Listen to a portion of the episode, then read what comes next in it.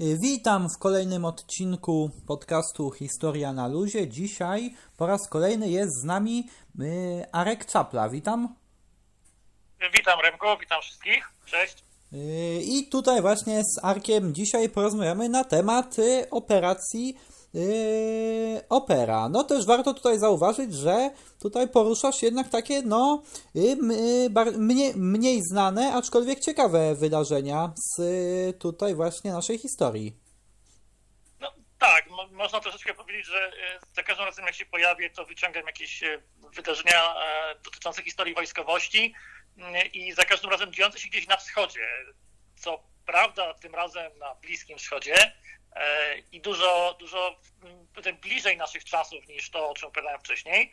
Mm, ale operacja rzeczywiście bardzo ciekawa, troszkę mało znana e, z drugiej strony mm, i dlatego warta, warta może e, przypomnienia, dlatego że troszkę nam się zbiegają daty, bo dokładnie 7 czerwca upłynęło 22 lata od tej no jednej, w mojej ocenie, z najbardziej spektakularnych i kontrowersyjnych operacji w historii e, lotnictwa wojskowego, e, czyli jak to powiedziałeś, operacji Opera, a dokładnie operacji Opera Orientalis, bo tak to się nazywało w pełni. 7 czerwca 1981 roku izraelskie lotnictwo przeprowadziło udany nalot na będący na ukończeniu iracki badawczy reaktor jądrowy Osirak pod Bagdadem, przerywając bardzo skutecznie iracki program jądrowy można by powiedzieć, y, że to uderzenie spowodowało, że 10 lat później, kiedy była y, operacja Pustynna Burza y, przeciwko Irakowi, Irak próbował wciągnąć Izrael do wojny, atakując na oślep rakietami terytorium Izraela. Nie posiadał broni jądrowej w tym momencie, jakiejkolwiek głowicy. To, czy mógł posiadać dzięki temu programowi, który przerwał Izrael, to jest zupełnie inna sprawa. Natomiast żeby zrozumieć przyczyny tego, no to musimy się cofnąć troszkę wcześniej. E, pamiętajmy o tym, że Izrael od początku swojego powstania był skonfliktowany ze wszystkimi państwami arabskimi dookoła, no bo on sobie tak naprawdę wywalczył swoje terytorium w drodze wojen z e, ościennymi państwami e, arabskimi. E, więc jest krajem, który tak naprawdę od swojego powstania do dzisiaj e, funkcjonuje w stanie permanentnej wojny i konfliktu ze wszystkimi swoimi sąsiadami, e, czy mniej, czy bardziej intensywnego, czy zamrożonego. No właśnie, taka wyspa na Morzu Arabskim, można by tak powiedzieć. Tak, oblężona wyspa. No, dziś mają, można powiedzieć, no, poprawne relacje z Egiptem, tak, tam w miarę poprawne z Jordanią, ale, ale przez lata była to, to faktycznie mm, oblężona, oblężona wyspa. No i stąd też y, y, powstała bardzo specyficzna koncepcja y, obronna Izraela, która zakłada, że armia izraelska nie może przegrać żadnej wojny, dlatego że przegrana wojna dla Izraela to może być koniec tego państwa. I również z tej koncepcji wynikł taki, wynikł taki, taki koncept jakby jednostronna, jednostronna akceptacja przez Izrael tego faktu, że Izrael sobie rezerwuje prawo do wykonania prewencyjnego uderzenia na jakieś cele w państwach sąsiednich, jeżeli Izrael uzna, że istnieje zagrożenie dla istnienia państwa Izrael. E, a za takie zagrożenie Izrael uznał iracki program jądrowy. Yy, no właśnie, właśnie, iracki program właśnie jądrowy, właśnie no Irak w tym czasie był rządzony przez y, Saddama Husajna i, y, Ira, y, i tutaj właśnie iracki oddział partii Baas. Dokładnie tak, natomiast ten program, on chyba zaczynał się, nie wiem, czy nawet troszkę wcześniej przed przyjęciem władzy przez Saddama Husajna, bo początki to jest 59 rok. Y, ja nie pamiętam dokładnie, kiedy Hussein, e, jego partia przejęła No tutaj władzę. właśnie partia Bas już tak na dobre objęła władzę w 1968 roku i wtedy prezydentem był Ahmed Hassan y, al-Bakr właśnie, lider tejże partii. No i w 1979 roku już pełnię władzy objął Saddam Hussein, no przeprowadzając no takie dosyć na początku no czystki w szeregach tej, tej partii i w szeregach władzy yy, irackiej. No, no, właśnie, natomiast program zaczął się w 59 e, od porozumienia ze Związkiem Radzieckim, e, który to jeszcze radzieccy, tak powiem, naukowcy, inżynierowie kładli podwaliny do pierwszego tego irackiego ośrodka badań nuklearnych położonego 18 km na południowy wschód od Bagdadu. Natomiast później, już po przejęciu władzy przez, przez partię Bas, doszło do zbliżenia takiego iracko-francuskiego, które zaskutkowało w 1975 roku kontraktem na, na kupno E, od Francji reaktora badawczego Osiris o mocy 40 MW, drugiego takiego małego reaktorka klasy ISIS, e, do tego 72 kg wzbogaconego uranu jako paliwo, plus towarzyszące temu laboratoria i cały program e, szkoleniowy dla irackich naukowców, irackiej obsługi. Irakijczycy nazwali te dwa reaktory Tamuz 1 i Tamuz 2, natomiast Francuzi nadali nazwę Osirak od kombinacji E, właśnie terminu nazwy Osiris i Irak i one pod tą nazwą e, Osirak są bardziej znane e, na świecie. I w 1979 roku, czyli tak wtedy jak, jak, jak już mamy Husajna u władzy, Irak rozpoczyna budowę tego pierwszego większego reaktora Tamuz 1, Irak twierdził od samego początku, że e, te reaktory były przeznaczone wyłącznie do celów cywilnych i że nie planował programów militarnych. E, również takie zdanie ma do dzisiaj e, Międzynarodowa Agencja Energii Atomowej. No, odmienne zdanie ma do dzisiaj Izrael i Stany Zjednoczone, które twierdziły, że ten reaktor mógł posłużyć do produkcji wzbogaconego plutonu, a pluton wzbogacony służy do budowy bomby czy głowicy atomowej. Natomiast no, z drugiej strony Saddam Hussein e, praktycznie od dojścia do władzy wielokrotnie odgrażał się Izraelowi e, zemstą i zniszczeniem tego kraju. Mm, tutaj e, pamiętajmy, że w 1973 roku państwa arabskie, koalicja państw arabskich, wśród tych państw był również Irak, który tam wysłał pewne swoje siły, e, były bardzo blisko pokonania i zniszczenia Izraela w wojnie znanej jako wojna Jom Kippur. No i w zasadzie gdyby nie bardzo silna pomoc wojskowa w postaci przekazywanego uzbrojenia Izraelowi, to, to Izrael no, miałby poważne problemy z zatrzymaniem arabskiej ofensywy, natomiast zdołał tą, te, te, te, tą arabską ofensywę z kilku kierunków zatrzymać. Mało, tylko, mało tego, zdołał przejść do kontrofensywy i odbył jeszcze większe terytoria, można powiedzieć, niż, e, niż miał i, i, pokonał te wszystkie kraje, e, które go zaatakowały. No i ta retoryka zemsty za tą porażkę Saddama Husseina no, była cały czas, więc też można zrozumieć, e, że Izrael uznał, że skoro Irak zaczyna e, prowadzić badania jądrowe, to będzie chciał osiągnąć e, broń nuklearną, a jak osiągnie broń nuklearną, no to stanie się to śmiertelnym zagrożeniem dla istnienia państwa izraelskiego. Więc praktycznie od początku budowy tego, tego reaktora no, Izrael zaczął rozpatrywać różne koncepcje, w jaki sposób ten program sabotować. Koncepcja użycia wojsk lądowych, sił powietrzno-desantowych przerzuconych powietrzem e, na terytorium Iraku padła w zalążku, no bo dystans był ogromny, 1600 kilometrów e, rozdzielonych terytorium Jordanii, Arabii Saudyjskiej, więc ogromne ryzyko braku możliwości ewakuacji sił użytych do, do, do ataku na, na ten ośrodek. E, więc pozostała w zasadzie tylko droga uderzenia lotniczego. Rozważano jeszcze koncepcję na przykład E, zatopienia e, ładunku e, paliwa nuklearnego w porcie w Marsylii we Francji, no ale to wywołałoby tak mocny skandal międzynarodowy, że, że też ten temat zarzucono.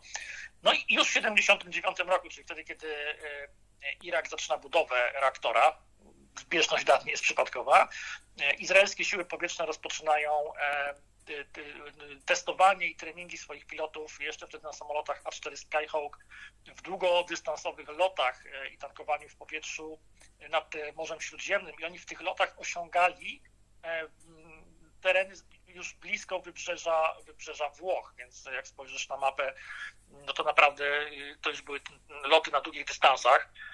E, natomiast e, w lipcu 1980 roku Izrael dostaje maszyny zupełnie nowej klasy, przynoszące izraelskie lotnictwo na, na kompletnie inny poziom.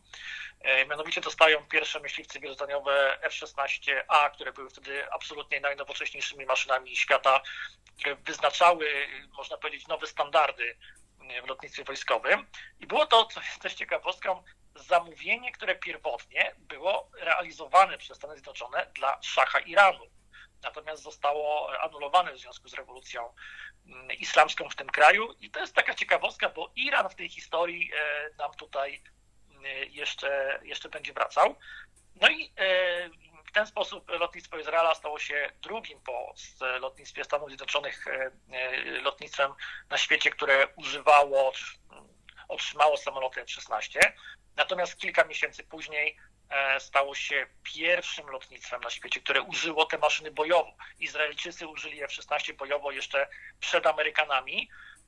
No tutaj warto powiedzieć, że dokładnie tak samo zrobili z, z najnowszymi maszynami F-35, które, które też użyli bojowo, e, zanim zdążyło zrobić to lotnictwo mm, amerykańskie.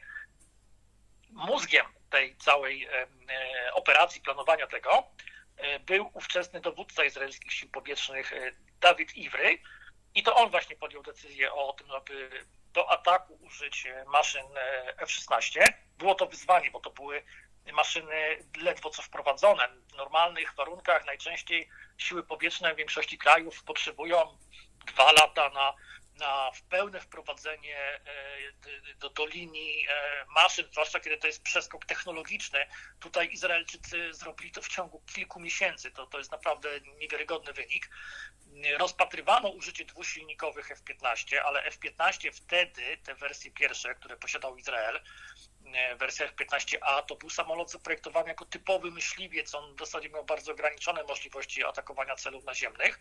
Natomiast F-16 był od samego początku zaprojektowany jako maszyna wielozdaniowa, która miała być zarówno myśliwcem walki powietrznej, jak i, jak i samolotem e, wykonującym misje uderzeniowe na cele, na cele naziemne, więc jakby e, arsenał możliwego używanego uzbrojenia i przystosowanie tej maszyny do celów na ataków na cele naziemne było zdecydowanie lepsze. No i Izrael też chciał zademonstrować, troszkę tak pokazać swoją siłę. Krajom arabskim, pokazać, mamy najnowsze maszyny, według wspomnień uczestnika tego nalotu, legendarnego izraelskiego asa myśliwskiego Iftaha Spektora, który ma w swoim koncie 12 zestrzeleń potwierdzonych, e, generał Iwry miał powiedzieć, oto kupiliśmy F-16, są w stanie to zrobić i zrobią to. No i jak powiedział, tak zrobili. E, dowódcą grupy uderzeniowej został podpułkownik e, Zewa Raza, a wśród pilotów, oprócz właśnie wspomnianego Iftaha Spektora, który już był naprawdę legendą izraelskiego lotnictwa myśliwskiego, znalazł się również e, e, Ilan Ramon, e, późniejszy pierwszy izraelski astronauta, który niestety, ale nieszczęśliwie wracając do swojej pierwszej misji, misji na orbicie, zginął w katastrofie wahadłowca Columbia nad Teksasem w 2003 roku. Pamiętne wydarzenie. Ogromnym wyzwaniem w tej operacji był dystans 1600 km. Oczywiście możemy powiedzieć e, lotnictwa i wcześniej, i później siły powietrzne różnych krajów, głównie Stanów Zjednoczonych, wykonywały operacje lotnicze na, na jeszcze większych dystansach. Tak? No, znamy e, operacje, kiedy w czasie pustynnej burzy e, amerykańskie bombowce strategiczne startujące z terytorium Stanów Zjednoczonych dokonywały przelotu nad, nad Morze Śródziemne i odpalały stamtąd pociski manewrujące nad Irak. No, w ogóle dystans jest ogromny. Ale tu mówimy o ataku wykonanym relatywnie niedużymi samolotami. Wymagało to tankowania w powietrzu i do tego ataku przeprowadzonym nad tery, na terytorium kraju, gdzie po drodze mieliśmy terytoria Jordanii i Syrii, obcych państw, które wcale nie były przyjazne, więc to, to dodatkowo komplikowało całą sytuację. Samoloty musiały lecieć z dodatkowymi zbiornikami paliwa, tankować do tego celu. Y, do y, ataku postanowiono użyć laserowo naprowadzonych bomb y, Mark 84 o, o ciężarze 910 kg każda. Każdy samolot zabierał dwie takie bomby. Te maszyny były, te bomby były wtedy też pewnego rodzaju nowością. Aby te, te, te, te bomby naprowadzić na cel, należało przerzucić jeszcze w rejon tego ośrodka e, grupę izraelskich komandosów, których zadaniem było oświetlenie wiązką lasera budynku reaktora. To dodatkowa komplikacja w całej tej, całej tej sprawie. E, no i e, okazało się, że e, nie są przetestowane procedury zrzutu zbiorników paliwa z dwoma podwieszonymi prawie tonowymi bombami istniało ryzyko, że przy tym odrzuceniu zbiornika po paliwie ten zbiornik może uderzyć w którąś z bomb, co by się skończyło tragicznie.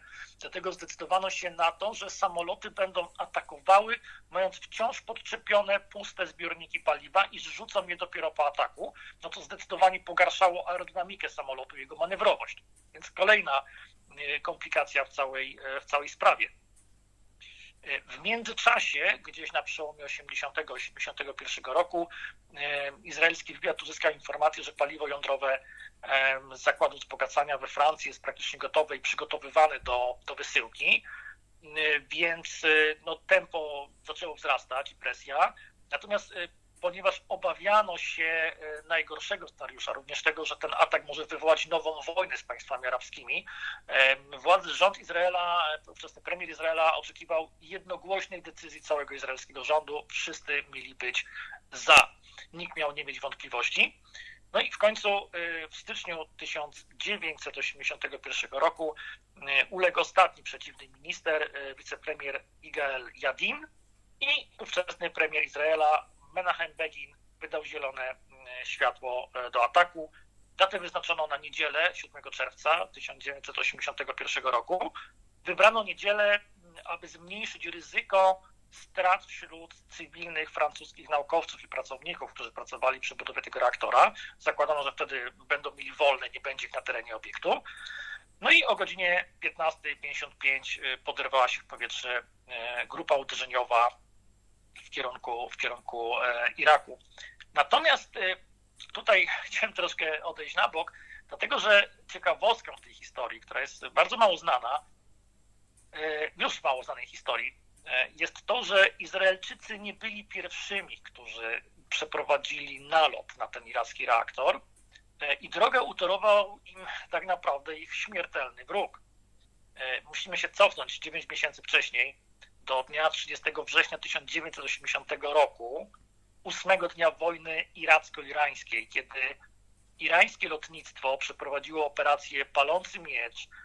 W trakcie tej operacji na terytorium, na niskim pułapie, na terytorium Iraku wtargnęły cztery irańskie, irańskie myśliwce F-4 Phantom, z których dwa z nich przeprowadziły nalot na reaktor budowany właśnie reaktor Osirak w tym ośrodku Duwajta. Nalot był kompletnym zaskoczeniem iracka obrona przeciwlotnicza nie oddała żadnego strzału, była kompletnie oszołomiona. Według naocznych świadków dwie bomby trafiły bezpośrednio w budowany budynek reaktora. Do dzisiaj brak jest potwierdzenia tak naprawdę, jakie były szkody. Zakłada się, że były one w średniej skali i spowodowały niewielkim stopniu opóźnienie irackiego programu e, nuklearnego. Natomiast irański nalot stał się przedmiotem analiz e, izraelskich, które doprowadziły izraelskie siły powietrzne do kilku wniosków bardzo ważnych. Pierwszym wnioskiem było to, że trzeba zdecydowanie zwiększyć siłę uderzeniową zespołu, bo przykład e, ataku przeprowadzonego przez cztery, a w zasadzie dwa zaatakowały reaktor. E, samoloty irańskie pokazywał, że zespół był za mały. Następna rzecz, trzeba zwiększyć celność i siłę rażenia użytej broni, dlatego zdecydowano się na użycie w tym momencie bardzo nowoczesnych e, bomb naprowadzanych laserowo. Dziś można powiedzieć, to jest standard. E, natomiast z, z samego e, irańskiego ataku powtórzono, można powiedzieć, profil, profil dolotu i, i nalotu na cel. On też nie był niczym nowatorskim, bo, bo ten, ten sposób atakowania nie tylko, nie tylko Irańczycy użyli, on już był znany, no, polegający na na dolocie do celu na bardzo niskim pułapie poniżej radarów obrony przeciwlotniczej, następnie gwałtownym wejściu na dopalaczach na pułap y, pozwalający na atak z lotu y, nurkowego. I tutaj izraelskie samoloty dokonały tego, tego nalotu no, dokładnie w identycznym e, stylu. Po drodze jeszcze dodatkowo w kwietniu, 4 kwietnia 1981 roku, Irańskie siły powietrzne, można powiedzieć, wyświadczyły Izraelowi kolejną przysługę, e, atakując znajdującą się w zachodnim Iraku bazę lotniczą o kryptonimie H3 i niszcząc na ziemi, niszcząc lub e, uszkadzając w sposób uniemożliwiający ich użycie 48 e, irackich maszyn bez strat własnych. Wśród tych maszyn znalazło się również kilka irackich bombowców wielkiego zasięgu.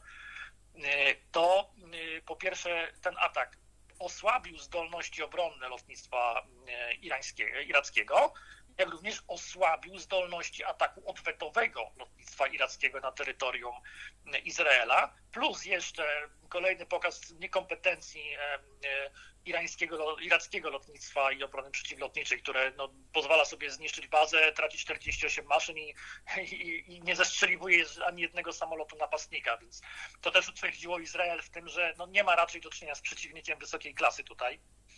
E, ponadto w międzyczasie jeszcze wywiad USA udostępnił Izraelowi zdjęcia wykonywane zarówno obiektu nuklearnego, jak i zniszczeń w tej bazie H3, zdjęcia z satelity szpiegowskiego KH-11 Kennen, który fotografował teren Iraku, więc Izrael ma tutaj pełne, pełne dane do tego, żeby no, przeprowadzić, przeprowadzić ten atak. No i tak jak już to powiedziałem, 7 czerwca 81 rok, godzina 15.55 z bazy lotniczej Encjon na Półwyspie Synaj startuje 8 myśliwców F-16A, każdy przenosi ze sobą dwie bomby naprowadzone laserowo, każda ma się blisko tony i 6 myśliwców F-15A eskorty bezpośredniej. Ciekawostką jest to, że baza lotnicza Encjon dzisiaj to jest międzynarodowy port lotniczy Taba w Egipcie, ponieważ w, w ramach prowadzonych później negocjacji pokojowych Izrael oddał Egiptowi, Egiptowi Półwysep Synaj i dzisiaj jest to port lotniczy, który na przykład jest wykorzystywany do, do lotów czarterowych, wakacyjnych do, do Egiptu również. Wcześniej jeszcze startuje z Izraela śmigłowiec Bell-212 z grupą komandosów, którzy mają podświetlić cel oraz latająca cysterna Benik 707, którego lot zgłoszono jako cywilny lot czarterowy i z tego samolotu z tego samolotu pobiorą paliwo lecące do Iraku myśliwce izraelskie.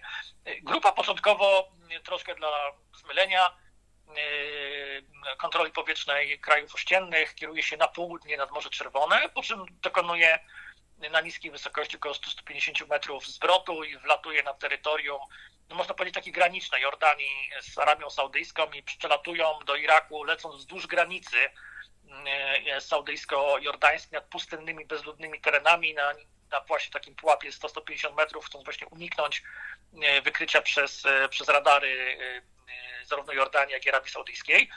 Mają trochę pecha, pecha, który nie został wykorzystany przez przeciwnika, bo przelatując nad Morzem Czerwonym, przelatują na pułapie zaledwie 100 metrów nad jachtem ówczesnego króla Jordanii, który orientuje się jakby po kierunku lotu, gdzie oni lecą. No ale, no, ale mimo jego tam wysiłków nie zdołał przekazać ostrzeżenia Irakowi przed atakiem na, na, na, na reaktor. Samoloty wchodzą w przestrzeń powietrzną Iraku. Tam przed celem 4 z 6 F-15 oddzielają się i odchodzą w głąb Iraku, mając te, takie zadanie dywersji powietrznej i odciągnięcia potencjalnych myśliwców irackich od grupy, od grupy uderzeniowej. 20 km przed celem o 18.35 grupa izraelska rozpoczyna atak. Schodzą na, najpierw na pułap, przed tym jeszcze osiągnięciem tych, tych 20 km, schodzą na pułap zaledwie 30 metrów nad, nad, nad pustynią. Następnie wchodzą na, na gwałtownym takim lotem wznoszącym z dopalaczami na pułap ponad 2 km i z lotu nurkowego parami atakują, atakują kolejno budynek reaktora. Według danych późniejszych z 16 rzuconych bomb, 8 trafiło bezpośrednio w budynek, kompletnie go dewastując. Pozostałe 8 trafiły w jakieś obiekty infrastruktury dookoła. I w tak Spektor w swoich wspomnieniach pisze, że trafienie osiągnęło, osiągnęło 7 pilotów z 8. Nie pisze dokładnie bomb, więc być może ta, te dane się zgadzają, bo z pary rzuconych bomb nie musiało być tak, że obie trafiły. Trochę jest ciekawostką to, że to właśnie Spektor, będąc najbardziej doświadczonym pilotem tej grupy, nie osiągnął żadnego trafienia, obie jego bomby spudłowały. No ale tutaj zemściło się to, że Spektor był już wtedy ponad 40-latkiem, nie był już młodzieniaszkiem i po prostu, jak tu w swoich wspomnieniach się przyznał, w trakcie tego gwałtownego lotu wznoszącego stracił zdolność widzenia, miał tak zwany blackout no to jest taki efekt związany z odpłynięciem krwi z mózgu przy takim dużym przyciążeniu. No jak odzyskał zdolność widzenia, no to nurkował już w taki sposób, że nie był w stanie naprowadzić maszyny, aby trafić w cel, więc rzucił te bomby jak popadło. Reaktor został zniszczony. E, iracka obrona przeciwlotnicza, jak w poprzednich sytuacjach z irańskimi atakami, nawet nie zareagowała, więc e, Izrael nie odniósł żadnych strat własnych, pełny sukces. E, zaraz po tym ataku cała grupa weszła na, na pułap już 12 kilometrów, nie kryjąc się, no w końcu zostali już wykryci, wszyscy wiedzieli, że tam są. I na pełnym gazie ruszyła w stronę, w stronę Izraela. Zaskakujące może być to, że i lecąc nad Irak, i wracając z Iraku, pogwałcili przestrzeń powietrzną Jordanii i Arabii Saudyjskiej. Żaden z tych krajów nie podjął żadnych przeciwdziałań. Natomiast no, można sobie to wytłumaczyć. Pierwsze, nie wiem, czy Arabia Saudyjska była do końca świadoma, lecieli nad takimi terenami, że w sumie to nie wiadomo, czy tam jakiekolwiek e, wykrywanie radarowe saudyjskie działało. Ale generalnie też Arabia Saudyjska nie była krajem nastawionym z sympatią do, do, do Iraku, wręcz przeciwnie. Pamiętajmy, że 10 lat później to oni byli bazą e, lądową ofensywy koalicji wcześniej w ramach pustynnej burzy i saudyjskie wojska brały aktywny udział i lotnictwo w, w ataku na Irak. Jordania natomiast po wojnie Jom Kippur poszła w stronę stabilizacji e, relacji z Izraelem, nie była e, zainteresowana e, wywołaniem nowego konfliktu z Izraelem, a do tego według nieoficjalnych informacji Izrael podobno kanałami dyplomatycznymi ostrzegł Jordanię, że w przypadku próby jakiegoś przeciwdziałania izraelskie lotnictwo uderzy na bazy lotnicze e, w Jordanii. Czy to prawda, czy nie, nie wiadomo. Natomiast fakt faktem, że e, izraelskie siły powietrzne w czasie całej tej operacji były postawione w stan najwyższej gotowości bojowej i gdyby była taka konieczność, były w stanie e, poderwać się i, zapewnić dodatkowe wsparcie wracającej grupie uderzeniowej. Więc może taki scenariusz troszkę takiego szantażu potraktować realistycznie myślę, że byli, byli, byli skłon, byli gotowi i mieli możliwości do, do wykonania takiego uderzenia na Jordanię, gdyby mm, zaistniała taka konieczność. No, nalot oczywiście wywołał skandal międzynarodowy, nawet reakcję Organizacji Narodów Zjednoczonych, która jednoznacznie potępiła Izrael, część krajów wprowadziła sankcje, a tak oczywiście potępiła większość krajów arabskich. Międzynarodowa Agencja Energii Atomowej stwierdziła, że to był program cywilny, więc nie miało takiego żadnego uzasadnienia. No, natomiast, tak jak powiedziałem, Izrael i USA do dzisiaj twierdzą, że program miał służyć, czy mógł służyć e, zbudowaniu irackiej broni jądrowej. No, możemy nałożyć na to późniejszą historię e, z drugą wojną e, przeciwko Irakowi, koalicji amerykańskiej przeciwko Irakowi, gdzie, gdzie pamiętamy wszyscy opowieści o irackiej broni chemicznej, której nie znaleziono, chociaż Irak miał broń chemiczną, którą używał na przykład w wojnie iracko-irańskiej czy przeciwko Kurdom, więc no to, to tutaj mamy dużo takich niejednoznaczności, jak to tak naprawdę e, było. Natomiast e, e, Wracając do tych, tego irackiego programu jądrowego, no to miał takiego pecha, że ciągle ktoś go bombardował, dlatego że Irak no, podjął próbę jednak dokończenia tych reaktorów. E, I 10 lat później, 19 e, stycznia 1991 roku, w ramach operacji Pustynna Burza, czyli tzw. Tak pierwszej wojnie e, w Zatoce Perskiej, i w ramach pakietu operacji Q-Strike, który miał uniemożliwić kontynuację irackiego programu jądrowego, najpierw 56 amerykańskie F-16 zbombardowało reaktory Osirak 1 i 2, więc tutaj to już, nie, to już była duża siła uderzeniowa. Następnego dnia przyleciały te niewykrywalne dla radarów F-117 i znowu zbombardowały obiekt. Łącznie 48 maszyn F-117 w następnych dniach w siedmiu atakach zostało użytych, a na sam koniec jeszcze kilka dni później przeprowadzono atak 17 F-111, żeby już kompletnie zrównać wszystko, e, wszystko z ziemią. Y, tu taka mała ciekawostka, jeżeli chodzi o terminologię.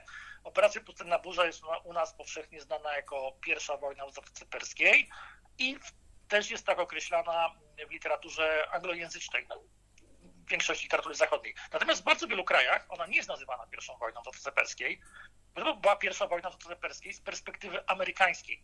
A jeżeli na przykład byśmy sięgnęli do źródeł niemieckojęzycznych, to w Niemczech jest e, operacja Pustyna Burza jest nazywana drugą wojną w Zatoce Perskiej, bo pierwszą wojną w Zatoce Perskiej jest e, w ich, e, z ich punktu widzenia, i akurat ja się z tym zgadzam, wojna iracko-irańska, lata 80., 80., 88.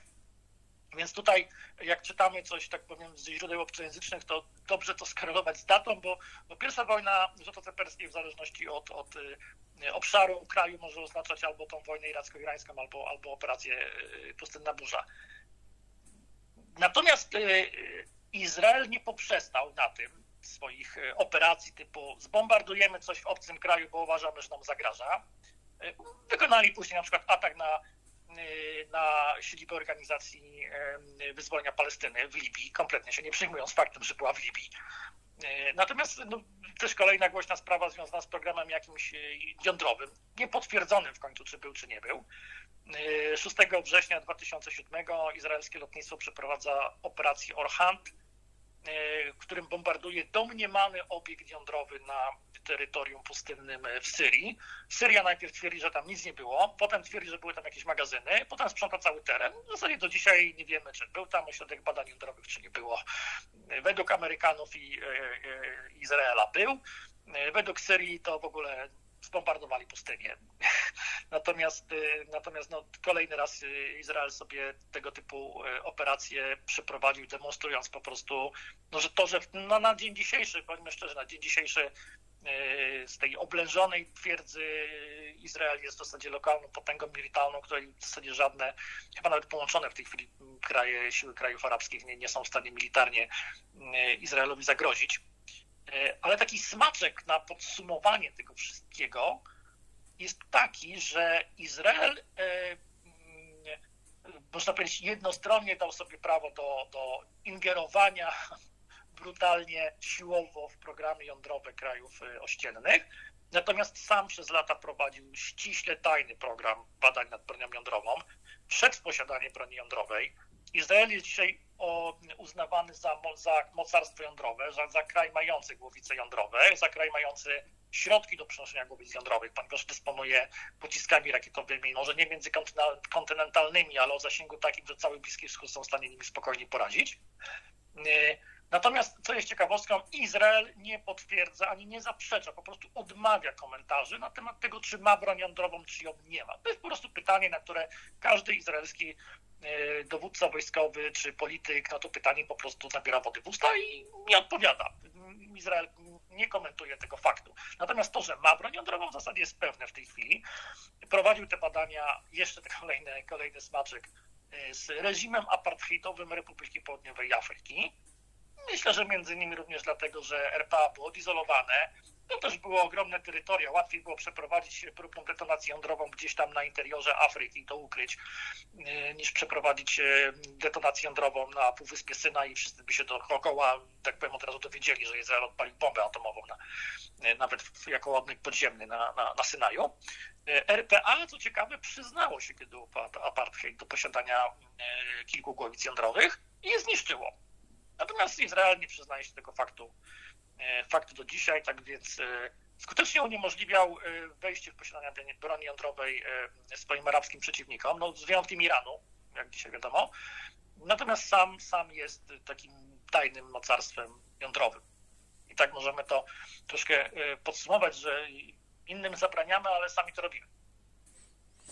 No właśnie, no i tutaj też wiadomo, na tle tej właśnie, na, na, na tle operacji właśnie opera, a też tego, co działo się właśnie przed y, operacją, y, chociażby tak jak tutaj wspomniałeś, czyli właśnie też atak y, Irańczyków właśnie na te, na, na tutaj właśnie, próbę, próbę tutaj właśnie zniszczenia programu atomowego Iraku przez Irańczyków. Właśnie, no to też jest takim tłem tej polityki międzynarodowej właśnie, gdzie tutaj no Iran z sojusznika Stanów Zjednoczonych pod wodzą Muhammeda Rezy Pahlawiego stał się wrogiem USA USA, gdy y, tutaj właśnie władzę objął Ayatollah Khomeini, y, przywódca islamskiej rewolucji. Czyli no tutaj właśnie trzeba politykę tutaj właśnie i historię, że tak powiem, śledzić y, na bieżąco, ponieważ tutaj no sytuacja w różnych regionach świata się często zmienia. No, no tak, ale jeszcze, jeszcze przy okazji całej tej, tej irańskiej operacji, no w sposób można powiedzieć, niezamierzony przysłużyli się e, atakowi izraelskiemu kilka miesięcy później, tak? Można powiedzieć, przetarli im troszkę ścieżki tam. Mm, tak, zgadza się. Ym, no i ja tutaj zapytam, czy jeszcze chciałbyś coś też dodać? Nie, z mojej strony to, to wszystko. Mam nadzieję, że zaciekawiłem kilka osób, e, wyciągając kolejny taki troszkę zapomniany dzisiaj e, e, epizod z, historii wojskowości.